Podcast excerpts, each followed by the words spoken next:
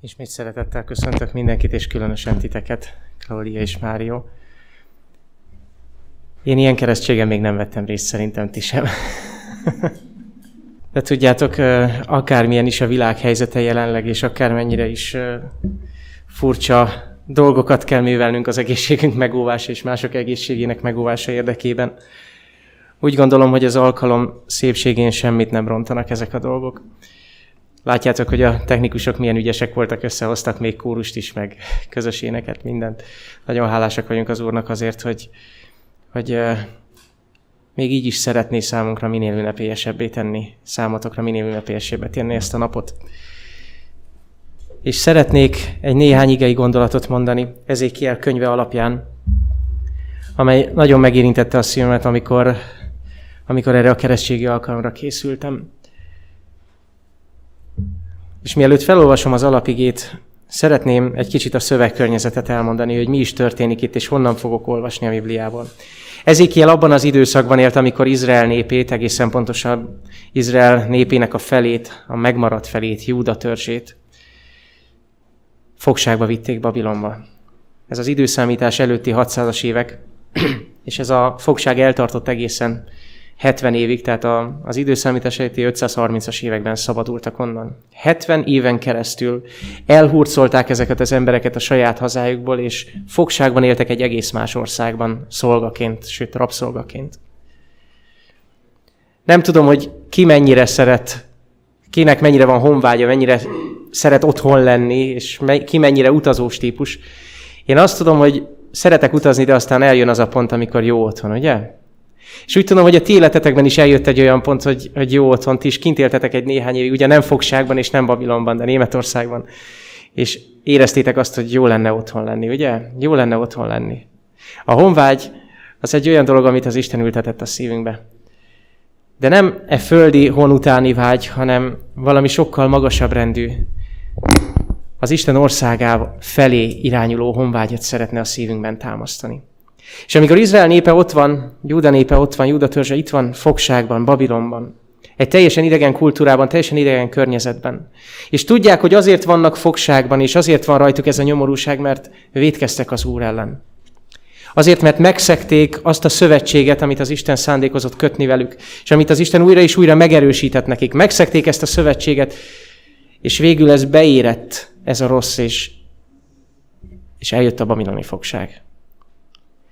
És ebben a fogságban, ebben a helyzetben, ebben a megalázott helyzetben az Úr így szól a profétája szája által. És ezékiel így közvetíti felénk az Isten üzenetét. Hintek rátok tiszta vizet, hogy megtisztuljatok. Minden tisztátalanságotoktól és minden bálványaitoktól megtisztítlak titeket. És adok nektek új szívet, új lelket adok belétek. Elveszem a kőszívet a testetekből, és adok nektek hús szívet, és az én lelkemet adom belétek, és azt cselekszem, hogy az én parancsolataimban járjatok, és az én törvényeimet megőrizzétek, és betöltsétek.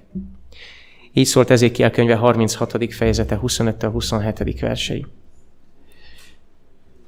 Amikor Isten látja az ő népét fogságban, abban a fogságban, amelyet a saját bűnei okoztak, nem úgy tekint rájuk, hogy, hogy szoktam mondani, csípőre teszi a kezét, és azt mondja, hogy na most megnézheted, hogy hova jutottál.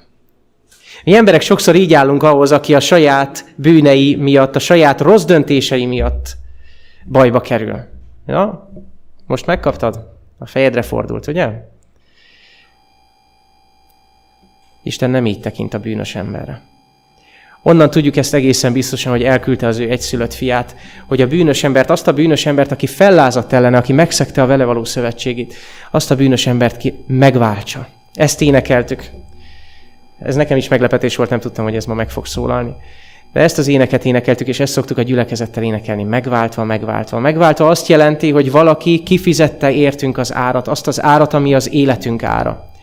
És ez az Isten, aki hajlandó értünk kifizetni ezt az árat, így szól hozzánk, hintek rátok tiszta vizet, hogy megtisztuljatok.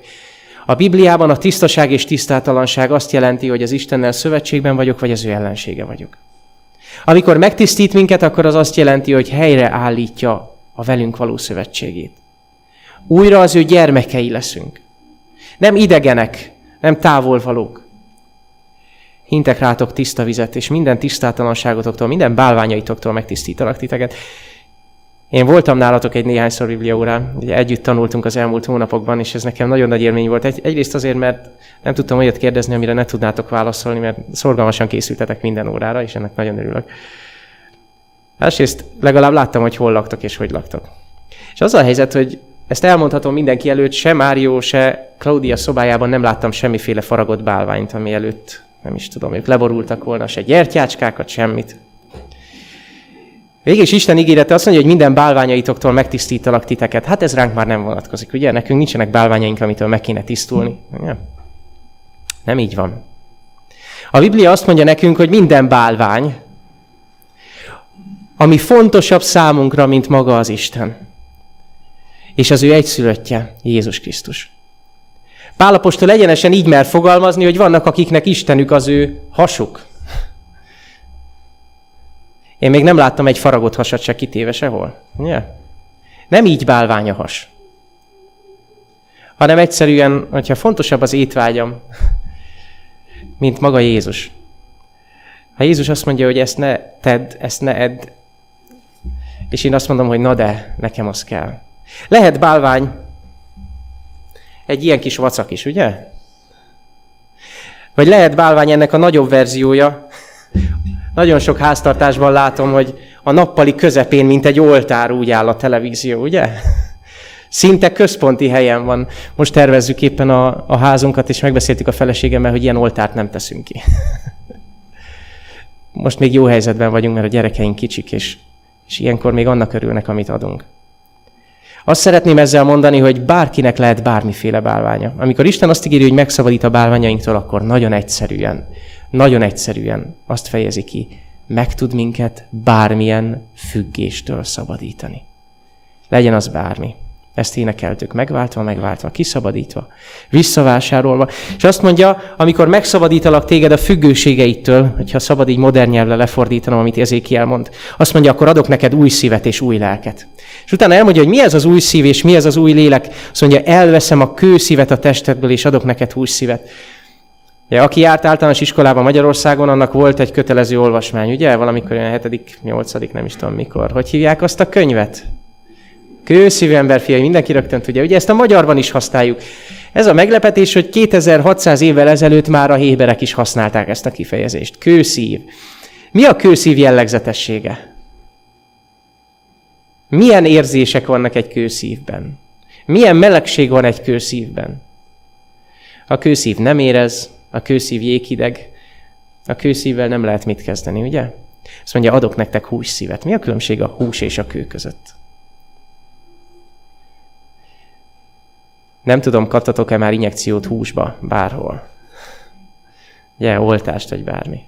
A hús jellegzetessége, hogy érez. Ugye? Fáj, ha megszúrják. A kőszívet szurkálhatod. Az nem szúr. A hússzív az érez. Itt a hússzív dobog. A hússzívben tud áramolni a vér, és a hússzívben melegség van, ugye? Minimum 36 fok, ugye? Remélem, jól tudom. Adok nektek hússzívet. Azt mondja, lehet, hogy nem tudtok róla, de eddig kőszívetek volt. Eddig nem tudtátok mi az, hogy szeretni. De én elküldöm az én egyszülött fiamat, és ő majd megmutatja nektek, mit jelent a szeretet, és azt fogjátok megfigyelni, hogy a kőszív helyett hirtelen érző szívetek lesz. Erről szól a megtérés, erről szól ez a mai nap. Az Úr örömmel fogadja azt, hogy a ti szívetek elkezdett érezni. És ráérzett arra, hogy az Isten elküldte az ő egyszülöttjét, aki értetek adta az ő életét, ez meglágyította a szíveteket. És ezt a meglágyítást, ezt pecsételitek meg ma az Isten előtt. Azt mondja, új lelket is adok belétek, új lehelletet. Milyen lelket ad belénk az Isten? Azt mondja a 27. vers, az én lelkemet adom belétek. Nagyon egyszerűen kifejezve ez azt jelenti, hogy az Isten az ő saját szent lelkét adja. A Szentlélek a harmadik isteni személy, aki láthatatlan, megfoghatatlan. Azt mondja róla Jézus, hogy a szél fúj, ahová akar, annak zúgását hallod, de nem tudod, honnan jön és hová megy. Így van mindenki, aki Istentől született. A megtérést, az Istenhez térést, a hazatérést, ezt a honvágy érzetet, ami az ember szívében van, Ezt Jézus úgy nevezi, hogy a Szentlélek munkája, olyan, mint a szél, ami fúj. Nem tudjuk megfogni. Szokták mondani ugye az időjárás jelentésben, hogy innen jön a front, onnan fog fújni a szél, stb. De én még egy időjárás jelentést sem láttam, ahol megmondták volna, hogy innen fog indulni a szél. Mögötte nincs szél, csak előtte van szél. Láttatok már ilyen időjárást? Nem? Jézus azt mondja, nem tudod megfogni, hogy honnan jön a szél. Nem tudjuk megfogni, hogy hol kezdődött a Szentlélek munkája a ti szívetekben. Lehet, hogy van egy-egy élmény, visszaemlékeztek egy-egy igére, vagy egy beszélgetésre apával, anyával, vagy bárkivel, ami úgy elindított bennetek valamit. De nem tudjátok egészen pontosan megfogni, hogy hol is kezdődött. Hol kezdődött az, hogy Jézus Krisztus elkezdett vonzani önmagához. Adom nektek az én lelkemet, ezt ígéri az Isten. A szent lelket onnan lehet megismerni, ahogy itt az írás mondja, hogy az ember elkezd cselekedni. A Szentlélek munkája cselekvés. Nem pusztán egy belső elmélyedés, vagy belső csönd, az kevés. A Szentlélek munkája nem pusztán meditáció, vagy, vagy elmélyedés, gondolkodás. Ez is a Szentlélek munkája. De itt valami fontos dologra hívja fel a figyelmet. Az ige. Azt mondja, amikor belétek adom az én lelkemet, akkor azt cselekszem én. Mondja az Isten, nem én ember vagy az Isten önmagára én, hogy az én parancsolataimban járjatok. Ha egy pillanatra ugorhatok a Biblia legvégére, ott azt olvasom, hogy mielőtt Jézus eljön, lesz a földön egy nép, akikre rámutat jelenések könyvében az az angyal, aki ott azt a látomá, abban a látomásban vezeti János apostolt. A Biblia utolsó könyvében azt látom, hogy az angyal mutat, és azt mondja, íme egy nép, akik megtartják az Isten parancsolatait és a Jézus hitét. Jelenések könyve 14. fejezet 12. versében azt olvasom, a történelem végén, pont mielőtt Jézus eljön, fel lehet ismerni azt a népet, akit Isten elhívott. Őket arról lehet felismerni, hogy megtartják az Isten parancsolatait. És sokan mondják azt, hogy rendben, akkor essünk neki, feszítsük meg minden erőnket, és tartsuk meg ezentúl az Isten parancsolatait. És elkezded olvasni az Isten parancsolatait, és az van benne, hogy ne ölj, ne lopj, légy hűséges, ne hogy. És mondhatod azt, hogy de hát én ezeket ifjúságomtól fogva megtartottam. Keresztény családban, adventváró családban nőttetek fel. Loptatok? Voltatok bankot rabolni valaha? Nem. Öltetek embert? Nem.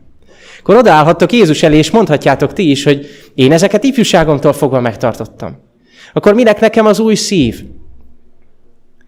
Egy megtörtént esetet idézek a Bibliából. Egy fiatal ember, aki egy becsületes szívű valaki volt, oda ment Jézus elé, és azt mondta, hogy hát én ezeket megtartottam. De valami mégis ott belül szúr, valami hiányzik. Nektek is valami belül szúrt, valami hiányzott. Én jó gyerekeknek ismertelek meg titeket. És most már nem gyerekek vagytok, most már fiatalok, fiatal felnőttek, felnőttek, hogy nevezhetlek titeket. Egy jó néhány éve ismerjük már egymást, és én Sosem mentem még úgy haza a gyülekezetbe, hogy fú, ez a Márió, én nem bírok vele. Klaudiával kapcsolatban sem voltak ilyen érzéseim. A saját gyerekeimmel kapcsolatban néha van. Nem látom, hogy olyan, olyan nagyon rossz gyerekek lennétek, de tudjátok, amikor Jézus felteszi a röngen szemet, ami megvizsgálja a szíveket, és rámutat arra, hogy lehet, hogy soha nem loptál, de nézd csak, mi van ott a szívedben. Még ez fontosabb, mint én vagyok. Még ez is fontosabb, mint én vagyok. Megerőltethetjük magunkat, és mondhatjuk azt, hogy ezentúl megtartjuk Isten parancsolatait. De az a nép, akire ott jelenések könyvében az angyal rámutat a látomásban, és azt mondja, íme az a nép, akik megtartják Isten parancsolatait és Jézus hitét. Ezek az emberek, és innen Ezékiel könyvéből is kiderül, nem a maguk erejében bíznak. Nem abban bíznak, hogy mi jó gyerekek voltunk. Nem abban bíznak, hogy mi soha nem hagytuk el az atyaházát. Nem abban bíznak, hogy de hát én sosem loptam, sosem öltem. Azt mondja Ezékiel könyve, adom nektek az én lelkemet, és én cselekszem. Én cselekszem azt, hogy az én parancsolataimban járjatok. Kedves gyülekezet és kedves barátaim és kedves testvéreim, kedves Klaudia és Márió, ez a különbség a törvényeskedés és a Szentlélek munkája közt. Ha ti olyan emberek vagytok, akik megtartják Isten parancsolatait, annak egyetlen egy oka lehet és egy forrása lehet. Maga az Isten és az ő ereje. Mivel, hogy az ő isteni ereje, mondja Péter apostol, mindennel megajándékozott minket, ami az élethez és a kegyes élethez kell. Annak megismerése által, aki minket elhívott. Annak megismerése által, aki minket megváltott. Ez az erő, amire szükségetek lesz, ez a Szentlélektől jön, Jézus Krisztus által. Ennek az Atya a forrása, Jézus Krisztus vére által a tietek lehet, és a Szentlélek minden napot lesz veletek. Ezért mondja azt a keresztségige, és ezzel a gondolattal szeretném befejezni, hogy rátérjek arra, hogy mi is fog most történni. Maga Jézus mondja azt, mikor elköszön a tanítványaitól, hogy kereszteljetek meg, tegyetek tanítványokká minden népeket, és kereszteljétek meg őket az Atya, a Fiú és a Szentlélek nevében.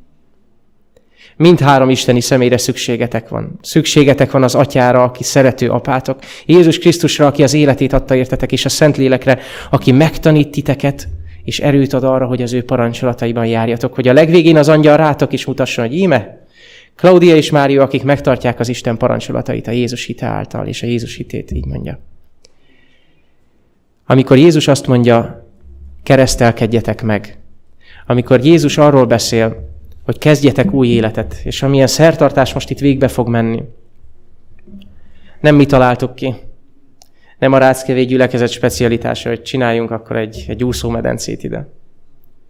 Maga Jézus Krisztus mondta azt, hogy aki szeretne az Isten országába belépni, annak először is hinnie kell az Isten fiában. Másodszor ezt a hitét ki kell fejeznie azzal, hogy Jézus példáját követve alámerül a vízben, ami jelképezi a halált, de jelképezi a feltámadást is. Ennek leszünk most itt szemtanúi. Maga Jézus Krisztus rendelte el ezt a szertartást. Talán sokaknak ez meglepetés, de Jézus Krisztus nagyon kevés szertartást rendelt el. Összesen kettőről tudok. A keresztségről és az úrvacsoráról. Kereszténység ma tele van szertartásokkal és ünnepekkel. A Bibliában összesen kettőt találunk az új szövetségre nézve. A keresztséget és az úrvacsorát. A keresztség kifejezi azt, hogy a keresztelendő bemegy a vízbe, és nem a maga erejéből, hanem az adott lelkész segítségével alámerül. Nem tud alámerülni magától, nem tud kijönni magától. Majd látni fogjuk, ez egy elég lehetetlen és tehetetlen testhelyzet. De azt fejezi ki, hogy az ember meghal Krisztussal együtt. De hogy Krisztus harmadnapra feltámadt, úgy ti is azon nyomban kijöttök a vízből. Jézus nyomdokában jártok ezzel. Ez egy kifejezés. Kifejezitek azt, hogy őt szeretnétek követni. Ebben is. Ki szeretnétek fejezni azt, hogy a gyakorlatban is szeretnétek őt követni. Úgy akartok tenni, hogy ő tesz. Jézus arra tanít minket, hogy aki szeretne belépni az Isten országába, János Evangélium a harmadik fejezete szerint, annak újjá kell születnie víztől és lélektől. Nem vagy-vagy, hanem és. Én azt kívánom nektek, hogy nyerjétek el azt az ajándékot, amit az Isten ígért nektek. A java most jön, ez még csak a születés. De milyen jó egy olyan atya szárnyai alá születni, egy olyan atya gyermekének újjászületni, akinél ott van minden erő, aki azt ígéri, hogy majd én cselekszem azt, hogy az én parancsolataimmal járjatok. Egy ilyen életet kívánok nektek. Ámen. Szeretettel köszöntöm a gyülekezetet. Szeretnék néhány útravalót mondani, mielőtt elkezdenétek az új életeteket. Először szeretnék hálát mondani a Jóistennek, aki lehetővé tette ezt az alkalmat. Hálát mondunk a szülőknek, a nagyszülőknek, akik munkálkodtak azért, hogy ti adventista gyerekek legyetek, akik a végén komoly döntést hoztak a ti életetekbe. És hálásak vagyunk azoknak is, akik a technikát üzemeltették, akik ráénekeltek, hogy így a felvételre, hogy ezáltal nem csorbult az ünnepélyessége a mai alkalomnak, ha egy kicsit más is volt. És érdekes volt az is, ugye, hogy a korábbi felvételeken nem gondoltátok, mikor ti énekeltetek, ti is énekeltetek a kórusba, hogy majd magatoknak fogtok énekelni a ti keresztségeteken. Ugye ez is egy különleges dolog, lett, így ilyen szempontból. A, a Márk evangéliumából olvasnék két verset, a Márk evangéliuma 5. fejezetéből, a 18-as és a 19-es verset a következőképpen. Mikor pedig a hajóba beszállott, a volt ördöngös kérte őt, hogy vele lehessen. De Jézus nem engedte meg néki, hanem mondta néki, eredj haza a tieidhez, és jelents meg nékik, mely nagy dolgot cselekedett veled az Úr, és mind könyörült rajtad. Elárulok nektek egy személyes dolgot, már régóta vártam azt, hogy egyszer a keresztség végén én köszönhessem a keresztelendőket. Mert volt már mindenféle variációja a keresztségnek, de arra nem került sor az utóbbi időben, hogy én nekem jutott volna osztályrészről, hogy köszöntsem. És most végre itt van, és ezt az igét, ugye, illetve ennek a mondani valóját már nagyon régóta tartogatom. Mi is történt itt? Az történt, hogy Jézus meggyógyított egy embert, és tulajdonképpen valamennyien bűnbeteg emberek vagyunk, valamennyiünknek szüksége van egy lelki gyógyításra. És miután ezt az embert meggyógyította Jézus, ez az ember szeretett volna oda kuporogni Jézus lábához, és hallgatni, hallgatni, hallgatni, hallgatni, és hallgatni őt, nagy kerek szemekkel, nagy nyitott fülekkel, várni, hogy mit mond az, aki meggyógyított engem. És nagyon sokszor úgy vagyunk, hogy azt hiszük, hogy a keresztség az egy befejező állomás, hiszen küzdöttem, ahogy Klaudia elmondta, és bizonyára Máriónak is voltak ilyen dolgai, másnak is, hogy küzdöttem, és végre Jézus megsegített, eljutottam a keresztvízig, és most minden reggel órákat olvasom a Bibliát, olvasom a bizonyságtételeket, részt veszek minden imaórán, részt veszek minden Isten tiszteleten, és így tovább. És iszom, iszom, iszom annak a szavait, aki megváltott engem. És rendben is van ezzel, hogyha vágyódunk hallgatni Jézust, de nagyon sokszor elfeledkezünk arról, hogy nekünk van egy feladatunk is. És ezt a feladatot ez az ember itt rögtön megkapta. Azt mondta neki Jézus, hogy ne gyere velem, hanem menj el a tieidhez, és mondd el, hogy mit cselekedett veled az Isten. Ti olyan szépen összeszedtétek azt, hogy hogyan vezetett bennünket, benneteket Jézus, hogy döntésre jussatok, most mondjátok el ezt másoknak is. Hallották itt a testvérek, hallották azok, akik itt vannak a terembe, de menjetek, mondjátok el a szomszédnak, mondjátok el annak, akivel alkalmilag találkoztatok. Írjátok meg a barátotoknak, aki nem volt itt ezen az alkalman. Akit csak elértek, mindenkinek mondjátok el, mit tett veletek Jézus, mert ez sokkal hathatósabb, mint hogyha valamilyen dogmatikai dolgot mondunk el.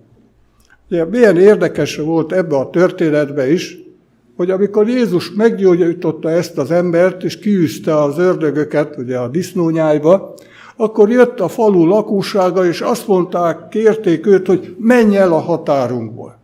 És mikor elment ez az ember, elmondta, hogy mit tett vele Jézus, hogy változtatta meg az életét, hogy alakult át az élete, akkor azt olvassuk, hogy legközelebb eljöttek, és sokan hallgatták Jézust. Jézus szeretné, hogyha elmennétek és dolgoznátok. Végeznétek a munkátokat. Ugye talán még fiatalabb voltam, mint ti, vagy körülbelül abban a korban voltam, amikor hát kint voltam a Szovjetunióban, akkor még Szovjetunió volt. És hát ugye Kreml meg kell nézni, és meg kellett nézni ott ugye sok-sok mindent, és egy jelenetre emlékszem, és ezt szeretném úgy, mivel ugye a kép az jobban megmarad az emberekbe, mint a elvi dolgok. Tehát az történt, hogy mutatták ott a képeket, Krem falán, ugye bent, és elmondták azt, hogy a háború alatt is ugye volt ilyen nagy felvonulás, ugye a Vörös téren. De az volt az érdekessége annak a fölvonulásnak, hogy máskor ugye, ha fölvonultak a katonák, akkor utána kimenőt kaptak, utána jutalmat kaptak, utána valamilyen eh, módon ugye, jutalmazták azt, hogy ugye szépen verték a vigyázt, és ugye bemutatták azokat a, fegyverarzenálokat, amivel rendelkeztek, ugye a vezetők meg megtapsolták őket. Ezúttal a háború alatt nem az történt, hogy utána visszamentek a laktanyába, hanem egyenesen kimentek a frontra. Jézus eljövetele közel van. Kell tanulnunk, kell elcsendesednünk, de azonnal ki is kell mennünk a frontra. Végezzük a munkánkat. És én ezt kívánom nektek, meg azoknak is, akik itt voltak. Isten áldjon meg valamennyiüteket az ő kegyelméből. Amen. Menyei édesatyánk, ismét megköszönjük te néked az újjászületés csodáját. Köszönjük te néked azt, hogy láthatjuk, hogy működik a te lelked, és emberi szíveket érint. Köszönjük te néked ezt, és bízunk benne, hogy láthatatlanul is munkálkodtál itt, megérintettél olyanokat, akik most itt a sorok között voltak. Atyánk, szeretnénk arra kérni, hogy szóltál az igédbe, ott, hogy valamennyien bizonyságtevő emberek legyünk. Olyanok, akik most, amikor elmennek innen, elmondják azt, hogy mit cselekedtél. Mit cselekedtél az életünkben, mit cselekedtél velünk ezen az Isten tiszteleten, mit tettél velünk a hétköznapokban, milyen módon tapasztaltuk meg a jelenlétedet.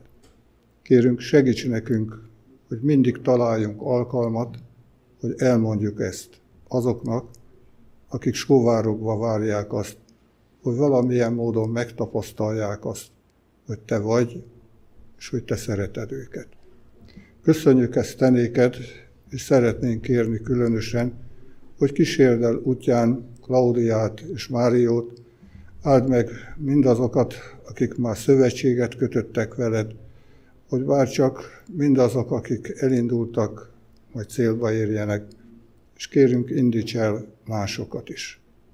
Áld meg, kérünk ezt a gyülekezetet, ad, hogy növekedjen, gyarapodjon, tapasztalja meg a Te áldásodat. Köszönjük, Atyánk, hogy meghallgatsz bennünket. Jézus nevébe kértünk. Amen.